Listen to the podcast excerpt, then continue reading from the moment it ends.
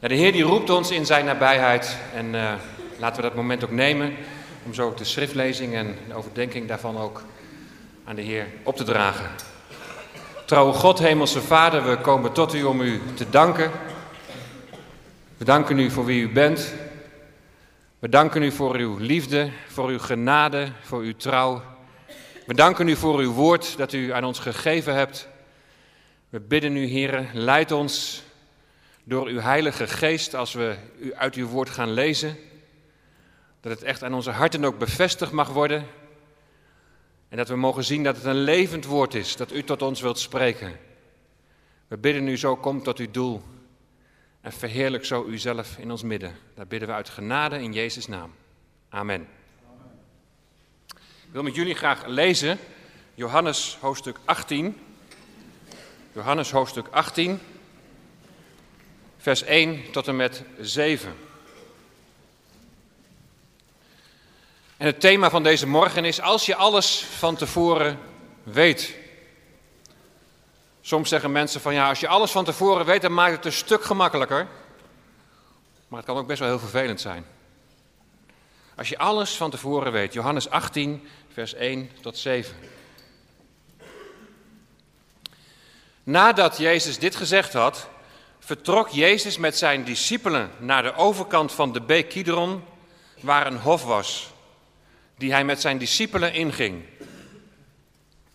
En Judas, die hem verraadde, die kende die plaats ook, omdat Jezus daar vaak met zijn discipelen samengekomen was. Judas dan, die de afdeling soldaten en enkele dienaars van de overpriesters en fariseeën meegenomen had, kwam daar met lantaarns, fakkels en wapens. Jezus dan, die alles wist wat er over hem komen zou, die trad naar voren en zei tegen hen, wie zoekt u? En ze antwoordden hem, Jezus de Nazarener. Jezus zei tegen hen, ik ben het. En Judas die hem verraadde, die stond ook bij hen. En toen hij dan tegen hen zei, ik ben het, deinsden ze terug en vielen op de grond. Hij vroeg hen dan opnieuw, wie zoekt u? En ze zeiden, Jezus de Nazarener. Tot zover uit het woord van God.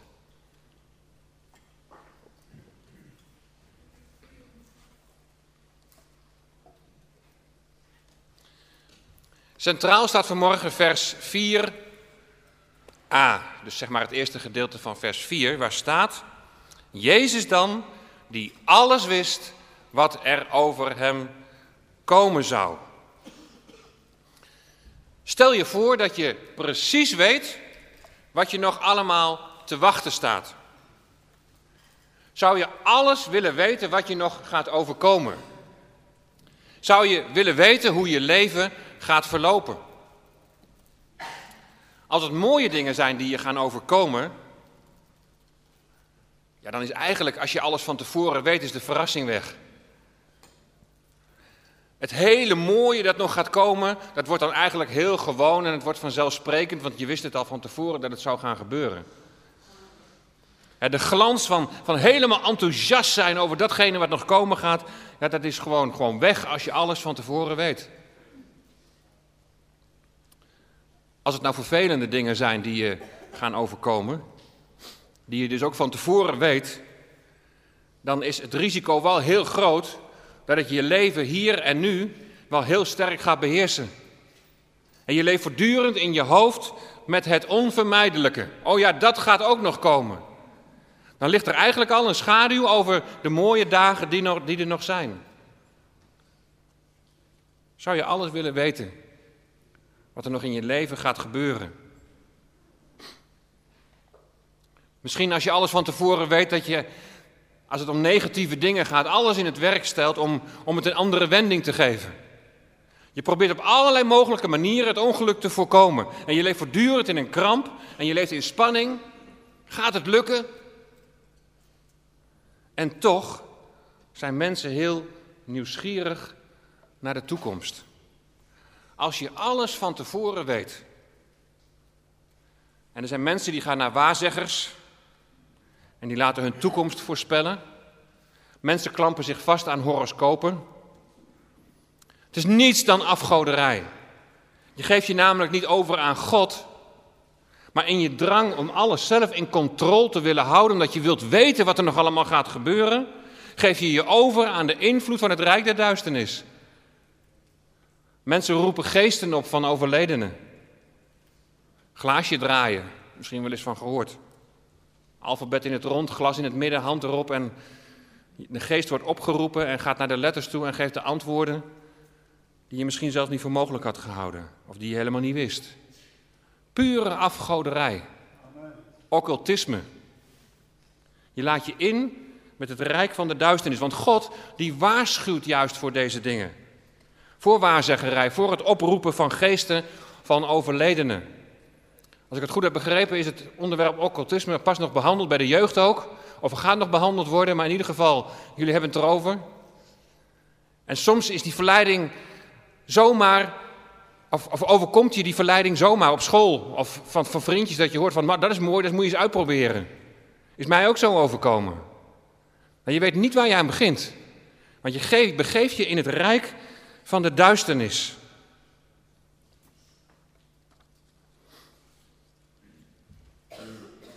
God heeft het zo duidelijk gezegd.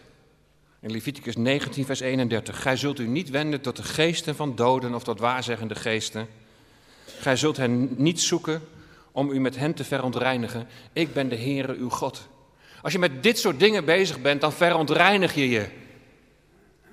Maar de mens is nieuwsgierig. Hoe gaat mijn leven verlopen? De diepste reden van alle nieuwsgierigheid is waarschijnlijk dat je alles wilt controleren. En ten diepste word je eigenlijk geregeerd door angst. Je bent bang voor de onzekerheid van morgen en je wilt voorbereid zijn op wat komen gaat. Als je alles van tevoren weet, als je alles in de hand wil houden, als je je hele leven in de hand wil houden, te allen tijden de mogelijkheid wilt hebben om te kunnen sturen, dan laat je je eigenlijk ten diepste drijven door angst. Angst voor het onbekende. Als je alles weet, dan leer je niet meer om op God te vertrouwen.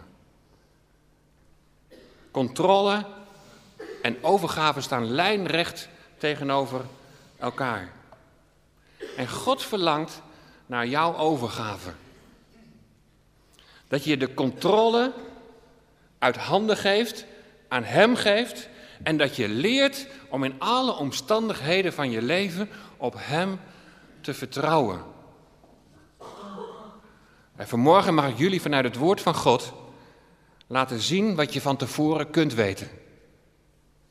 En dat heeft met de toekomst te maken.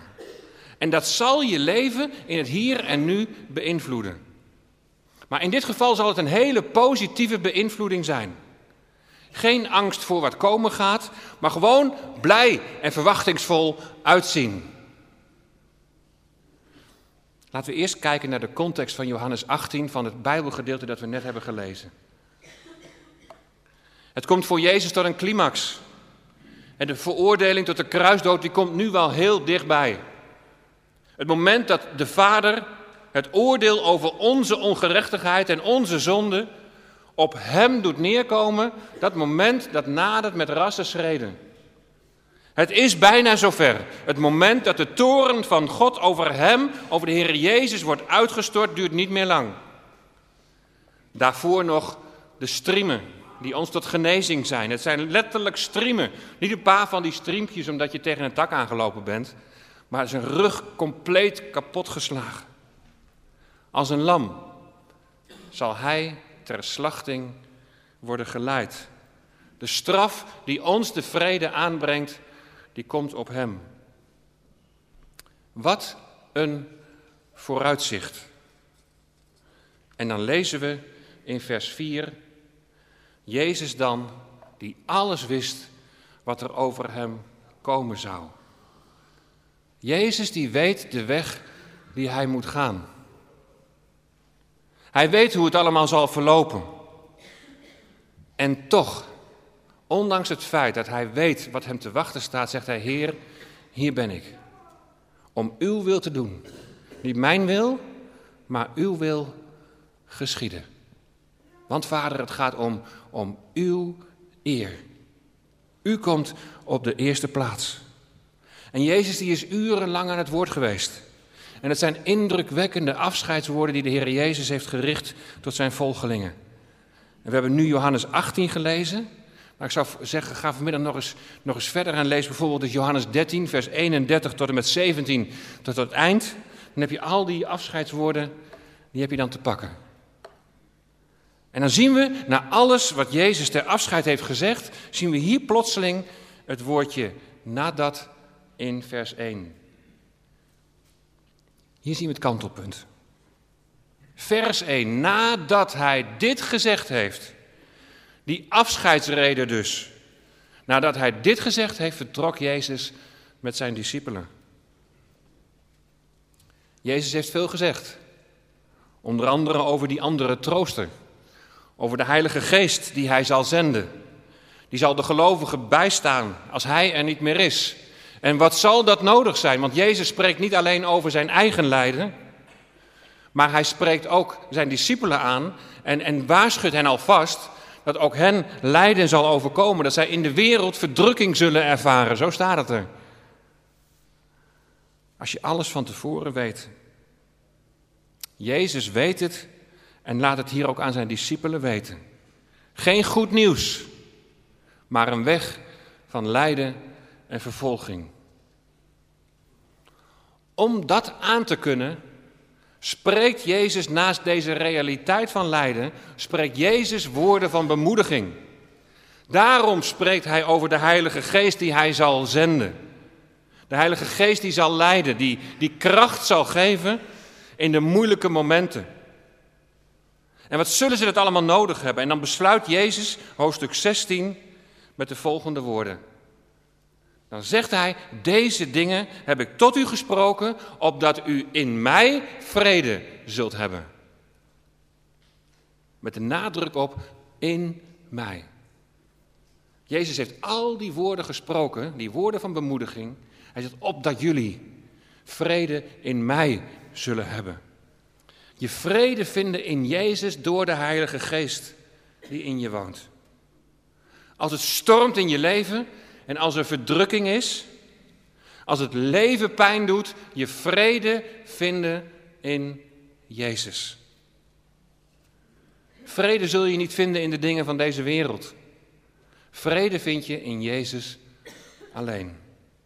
Hij die troont aan de rechterhand van de Vader en waarvan de Vader heeft gezegd, dit is mijn zoon, mijn geliefde, in wie ik een welbehagen heb, in wie ik vreugde vind. Met die heiland ben je verbonden. Met die heiland ben je verbonden door de Heilige Geest. De Heilige Geest die in je woont. Als wij iets weten over de dagen die voor ons liggen, bijvoorbeeld je krijgt het, het, slechte nieuws dat je ongeneeslijk ziek bent. En je krijgt ook nog te horen van wat de levensverwachting nog is of hoe het allemaal waarschijnlijk zal gaan verlopen. Dan mag je jezelf eraan herinneren dat God zijn geest heeft gegeven, dat die in je woont en dat die geest die gegeven is, opdat je vrede vindt in Jezus alleen. Vrede in het hier en nu. Vrede ziende op je toekomst. En daarover spreekt de Heer Jezus. In het gebed van de Heer Jezus we zijn nog steeds met die context bezig. Wat ging er nou eigenlijk aan dat na dat vooraf? Johannes 17 is het hoge priesterlijk gebed. Het gebed van de Heer Jezus tot zijn Vader. En daar, daar spreekt hij een bijzonder verlangen uit in Johannes 17, vers 24. Vader, ik wil dat waar ik ben, ook zij bij mij zijn, die u mij gegeven hebt opdat zij mijn heerlijkheid zien die u mij gegeven hebt. Omdat u mij hebt liefgehad voor de grondlegging der wereld. Jezus ziet over het lijden heen Dat zeg ik ook vaak als mensen zeggen hij is overleden. Dan zeg ik ja, over het lijden heen. En de Heer Jezus ziet over het lijden heen naar de toekomst. De toekomst die in het verleden, die voor de grondlegging van de wereld, al is vastgelegd. Gods plan, Gods herstelplan gaat in vervulling. En we zien hier dat het doel voor de gelovigen is om de heerlijkheid van de Heer Jezus te zien. En die heerlijkheid die zullen we ten volle zien als wij straks bij Hem zijn. Die heerlijkheid die die anderen die ons zijn voorgegaan nu al, al mogen zien, nu al mogen aanschouwen. De Heer Jezus in al zijn pracht en al zijn glorie. Hij die onze voorspraak is bij de Vader. Ken het lied, oh wat zal het zijn, volmaakt en rein, voor eeuwig bij de Heer te zijn? Dat is het einddoel. En daar verheugt de Heer Jezus, die verheugt zich daarop. Dan begrijp je ook wat, wat in Hebreeën 12 vers 2 staat, namelijk dat hij om de vreugde die hem, die, voor hem, die hem in het vooruitzicht was gesteld, de vreugde die voor hem lag, het kruis op zich genomen heeft en de schande heeft verdragen. Dat wordt bedoeld ook met die tekst uit Romeinen 8, vers 18, die we de vorige keer nog hebben gelezen. Dat het lijden van de tegenwoordige tijd niet opweegt tegen de heerlijkheid die straks geopenbaard gaat worden. Onlangs toen eh, ging ik op een zondagavond voor eh, in de Maranatha-gemeente in Ermelo. En, eh, en daar sprak ik ook zo over dat heerlijke vooruitzicht dat we hebben. En ineens ik weet niet meer op welk moment in de dienst, maar compleet onverwacht. Daarvoor zat een hele oude broeder. Ik denk dat hij misschien wel in de negentig was. Tijdens de dienst schuifelde hij nog eventjes naar de wc toe en hij kwam weer, hij kwam weer terug. Maar die oude broeder, die, die straalde helemaal. En in één keer zegt hij zo, dwars door alles heen, welk een uitzicht, bruidsgemeente. En ik zei, eeuwig hem ten eigendom. Maranatha blijft ons wachtwoord, amen ja, Heer Jezus kom. Een geweldig moment. Hij glom helemaal. Alsof hij al iets van die heerlijkheid zag op dat moment. Nadat Jezus dit gesproken had. Nou, in dit licht gaan we nu verder naar de gevangenneming. Nadat Jezus dit onder andere gezegd heeft over de belofte van de Heilige Geest, de trooster, over de belofte van het delen in zijn heerlijkheid. Nadat Jezus dit gezegd had, vertrekt hij met zijn discipelen naar de overkant van de beek Kidron. Nou, in de tijd van de Tweede Tempel, en dat is in de tijd van de Heer Jezus, lag het Kidrondal tussen de oostelijke muur van de oude stad. Dat is die muur waar je ook het Tempelplein ziet en de Olijfberg ten oosten daarvan. Daar lag het tussenin. En door dit circa 20 meter diepe dal, daar stroomde een riviertje, de Kidron. Dat in de Bijbel vaak een beek wordt genoemd. En die beek die had geen bron en was eigenlijk was het een, was het een wadi. In de regenperiode dan stroomde het water langs de hellingen van de Tempelberg, de Olijfberg en de Scopusberg zo naar beneden en werd het tot een kolkende stroom. Nou, de mensen die daar zijn geweest, of de mensen die straks gaan, die straks meegaan, die zullen zeggen, hoezo 20 meter? Nou, inderdaad, het is nu geen 20 meter diep meer. Er is zo'n 15 meter aan puin bijgekomen, dus het is nu wat minder diep. Maar het was dus een behoorlijk diep dal van water waar geen bron aan ten grondslag lag, maar het kwam in regen met bakken naar beneden langs de genoemde bergen. Het Kidrondal wordt ook wel een, uh, een tranendal genoemd. Naar de vele begraafplaatsen die daar liggen. Waaronder de graven van Absalom, van Jozefat, van Zacharia. Hey, Absalom. In 2 Samuel 15, vers 23, daar kun je lezen dat David moet vluchten voor zijn zoon Absalom, die een koep wil plegen. En in vers 23 staat dan dat het hele land huilde toen heel het volk overstak. En waar staken ze over? Nou, als je verder leest, dan staat er ook de koning, die stak de beek Kidron over. En al het volk stak over, rechtstreeks de weg op naar de woestijn. door dit tranendal, trekt ook de Heer Jezus, de zoon van David, nu met zijn discipelen. En dat tranendal heeft geen bron.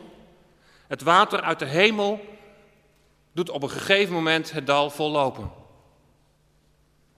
David moest het heiligdom achter zich laten. Jezus, hij moest het heiligdom achter zich laten.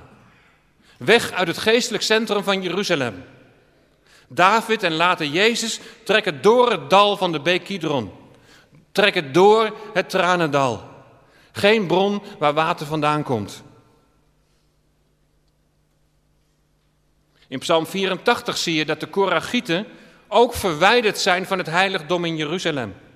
En ze, ze bezingen een diep verlangen naar de voorhoven van de Heer. Diep in mijn hart is zo'n heimwee, zingen we dan in opwekking. En dan staat er in Psalm 84, vers 7, gaan ze door het dorre dal van de moerbijbomen. En je kunt dat ook vertalen als gaan zij door een tranendal. En wat staat er dan? Dan maken zij God tot hun bron. Ook zal de regen hen overvloedig bedekken. Hoe ga jij door jouw tranendal? Want er zullen momenten van tranen zijn, er zullen momenten zijn van verdriet. Hoe ga je erdoor? Wat is jouw bron? Kidron heeft geen bron. David en Jezus steken de Kidron, het tranendal, over en hebben God als hun bron. Als David Jeruzalem moet verlaten en in de woestijn terechtkomt, dan schrijft hij Psalm 63 en begint hij met de volgende woorden: O God, u bent mijn God. U zoek ik vroeg in de morgen. Mijn ziel dorst naar u, mijn lichaam verlangt naar u in een land dor en dorstig zonder water. Hoe ga jij door jouw tranendal? Aan de overkant van de beek Kidron komt Jezus met zijn discipelen bij een hof. En in het dal tussen de muur bij het Tempelplein enerzijds en de Olijfberg anderzijds, daar is de hof van Gethsemane.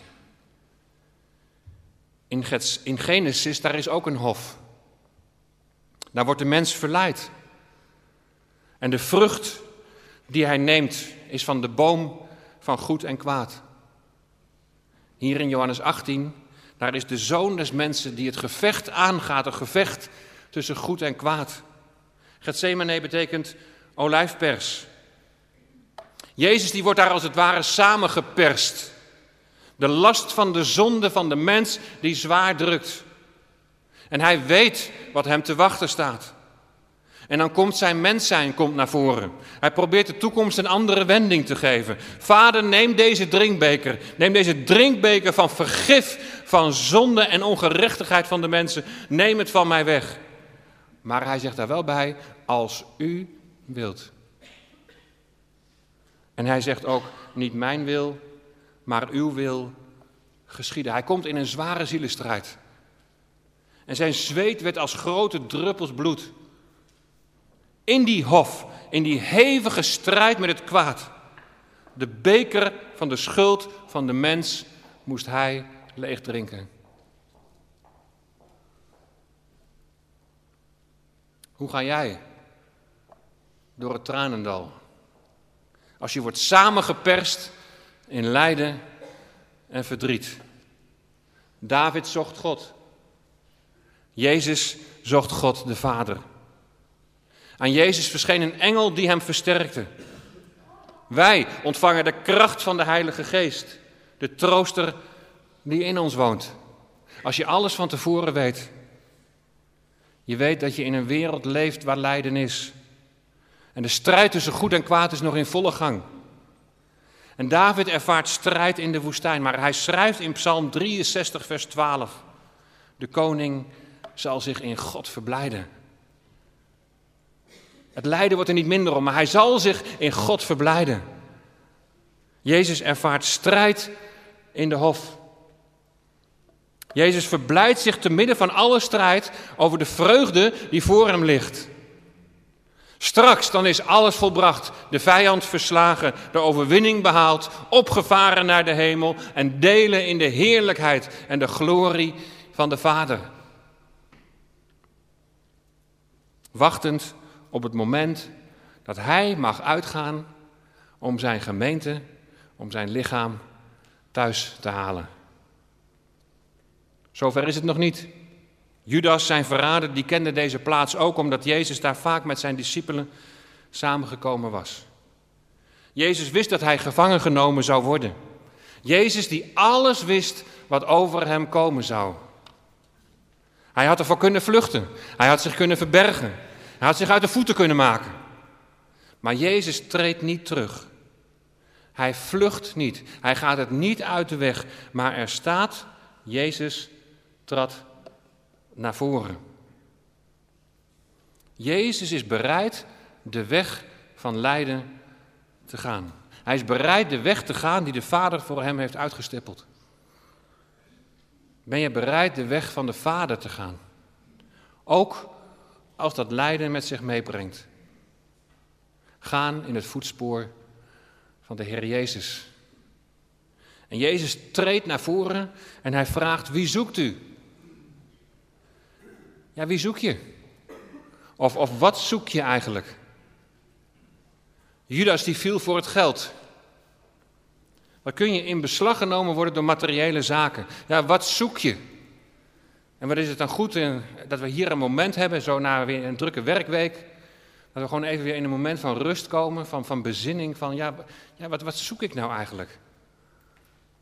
Misschien dat je je wel afvraagt, ja, waar ben ik nou eigenlijk mee bezig?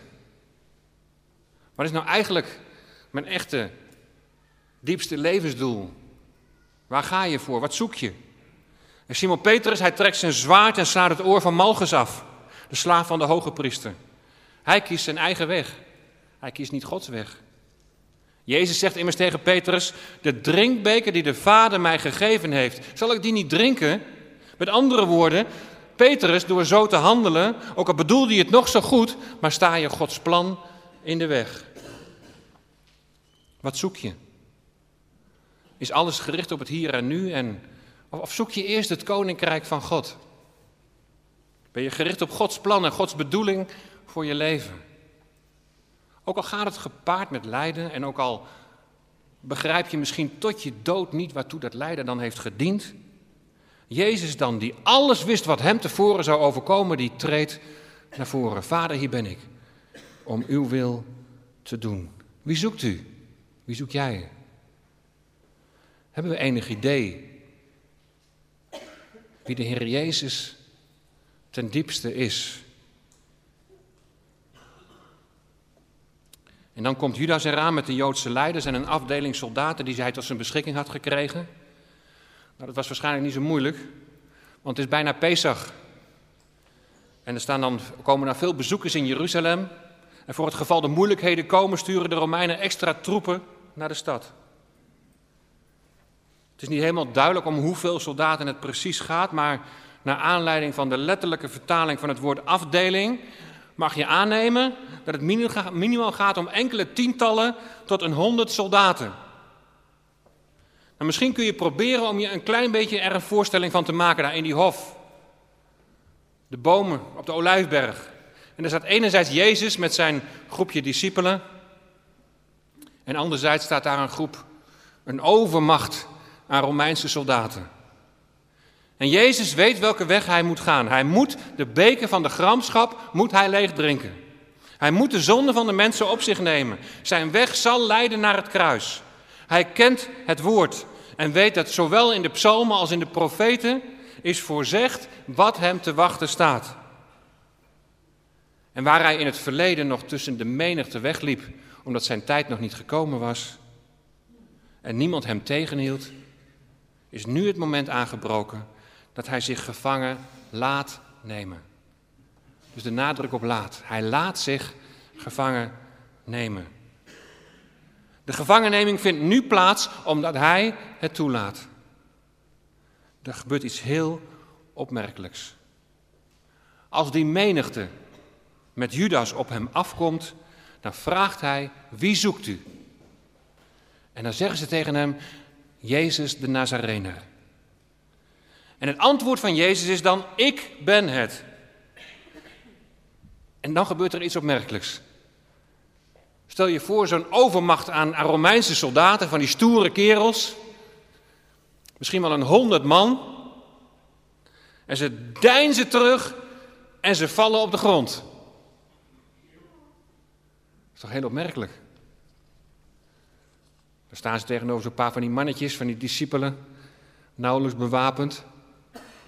En Jezus zegt alleen maar, ik ben het. En die overmacht aan Romeinse soldaten, die deinzen terug en die vallen op de grond. Hieruit blijkt al dat de Heer Jezus de situatie volkomen in handen heeft. Ze kunnen niet zomaar dicht bij Jezus komen. Hij spreekt de woorden, ik ben het. Nou, tijdens de Bijbelstudies in de gemeente gaat het ook over die, over die ik ben teksten in het Johannesevangelie. Hier is er ook eentje. In het Grieks staat daar ego aimi. En aimi is eigenlijk al genoeg om te vertalen met ik ben.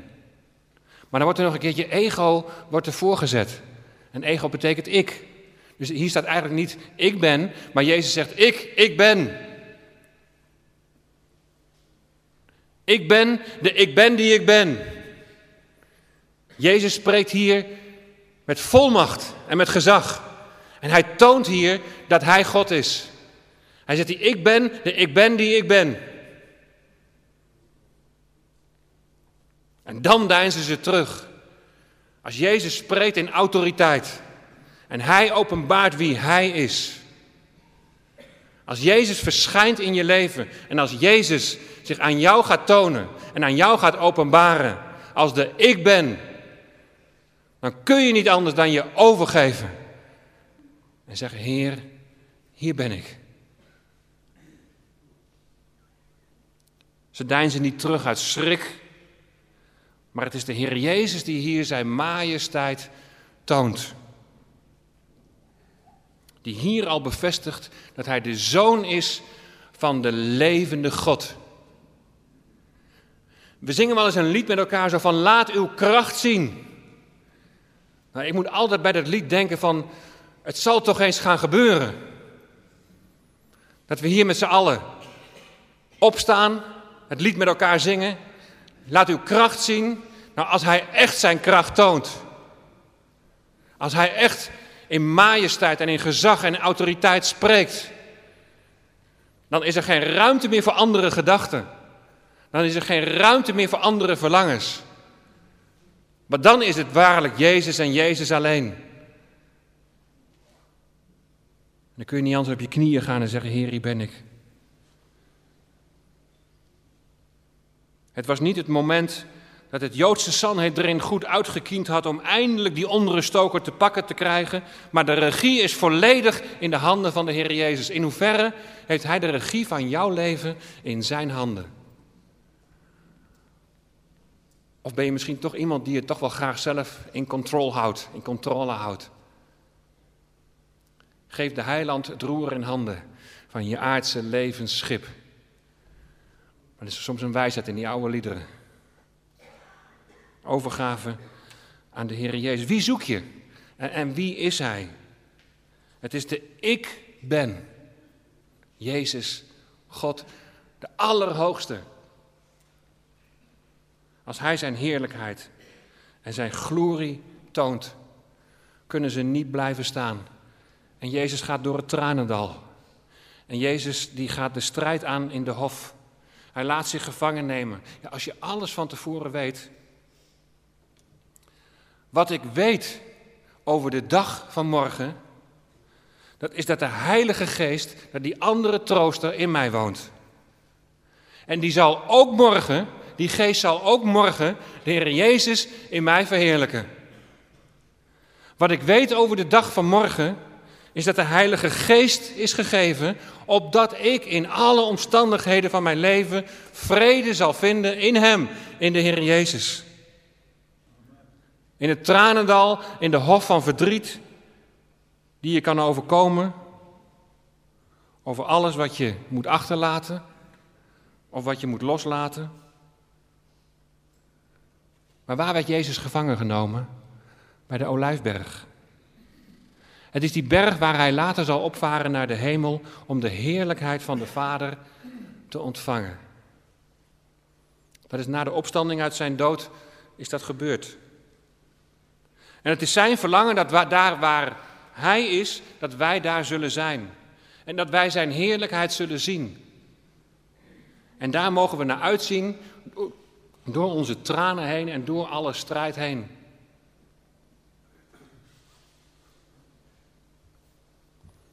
Gisteren was de sterfdag van mijn schoonvader, drie jaar geleden overleden. En eigenlijk waren we zo dankbaar dat hij mocht heen gaan. Hij was zo ziek. En eigenlijk, ja, was het even voor ons op dat moment een moment. Het was zo druk in ons leven. Vlak daarna kwamen we hier in Emmeloord, de verhuizing. Onze dochter ging trouwen. Oh ja, en mijn schoonvader die overleed ook nog. Natuurlijk was er verdriet.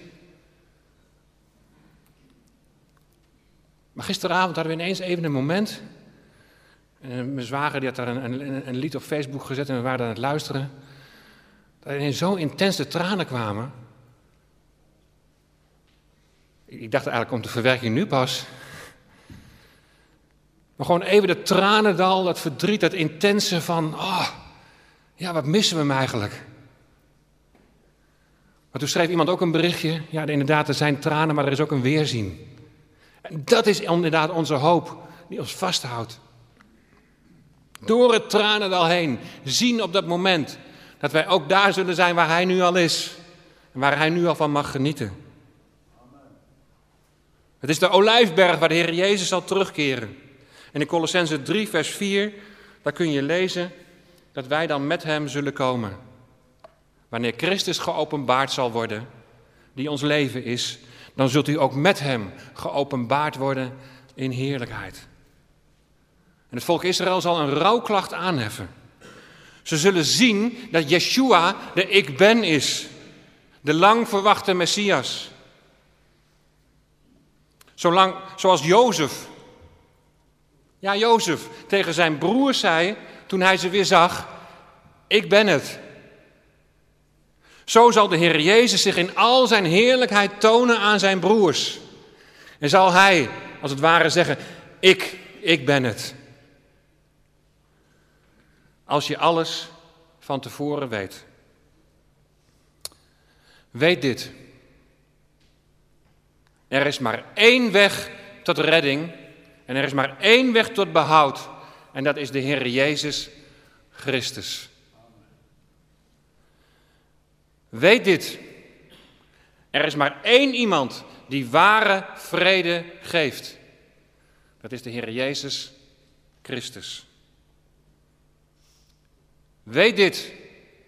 Er is er één die verlangt dat jij zult delen in zijn heerlijkheid. Straks in de toekomst, maar dat je dat ook al vandaag mag ervaren. Omdat Hij de Ik Ben is in jouw leven. Omdat je je aan Hem hebt toevertrouwd. Omdat je zijn kind mag zijn. Weet dit, er is één die verlangt dat jij in zijn heerlijkheid en in zijn glorie zult delen. Besef dat dwars door het tranendal heen. Hij is er, hij is erbij en hij zal er zijn. Want hij is alomtegenwoordig, hij is de ik ben die ik ben. Laat hij zo ook de ik ben in jouw leven zijn. Jezus en Jezus alleen. Halleluja. Amen.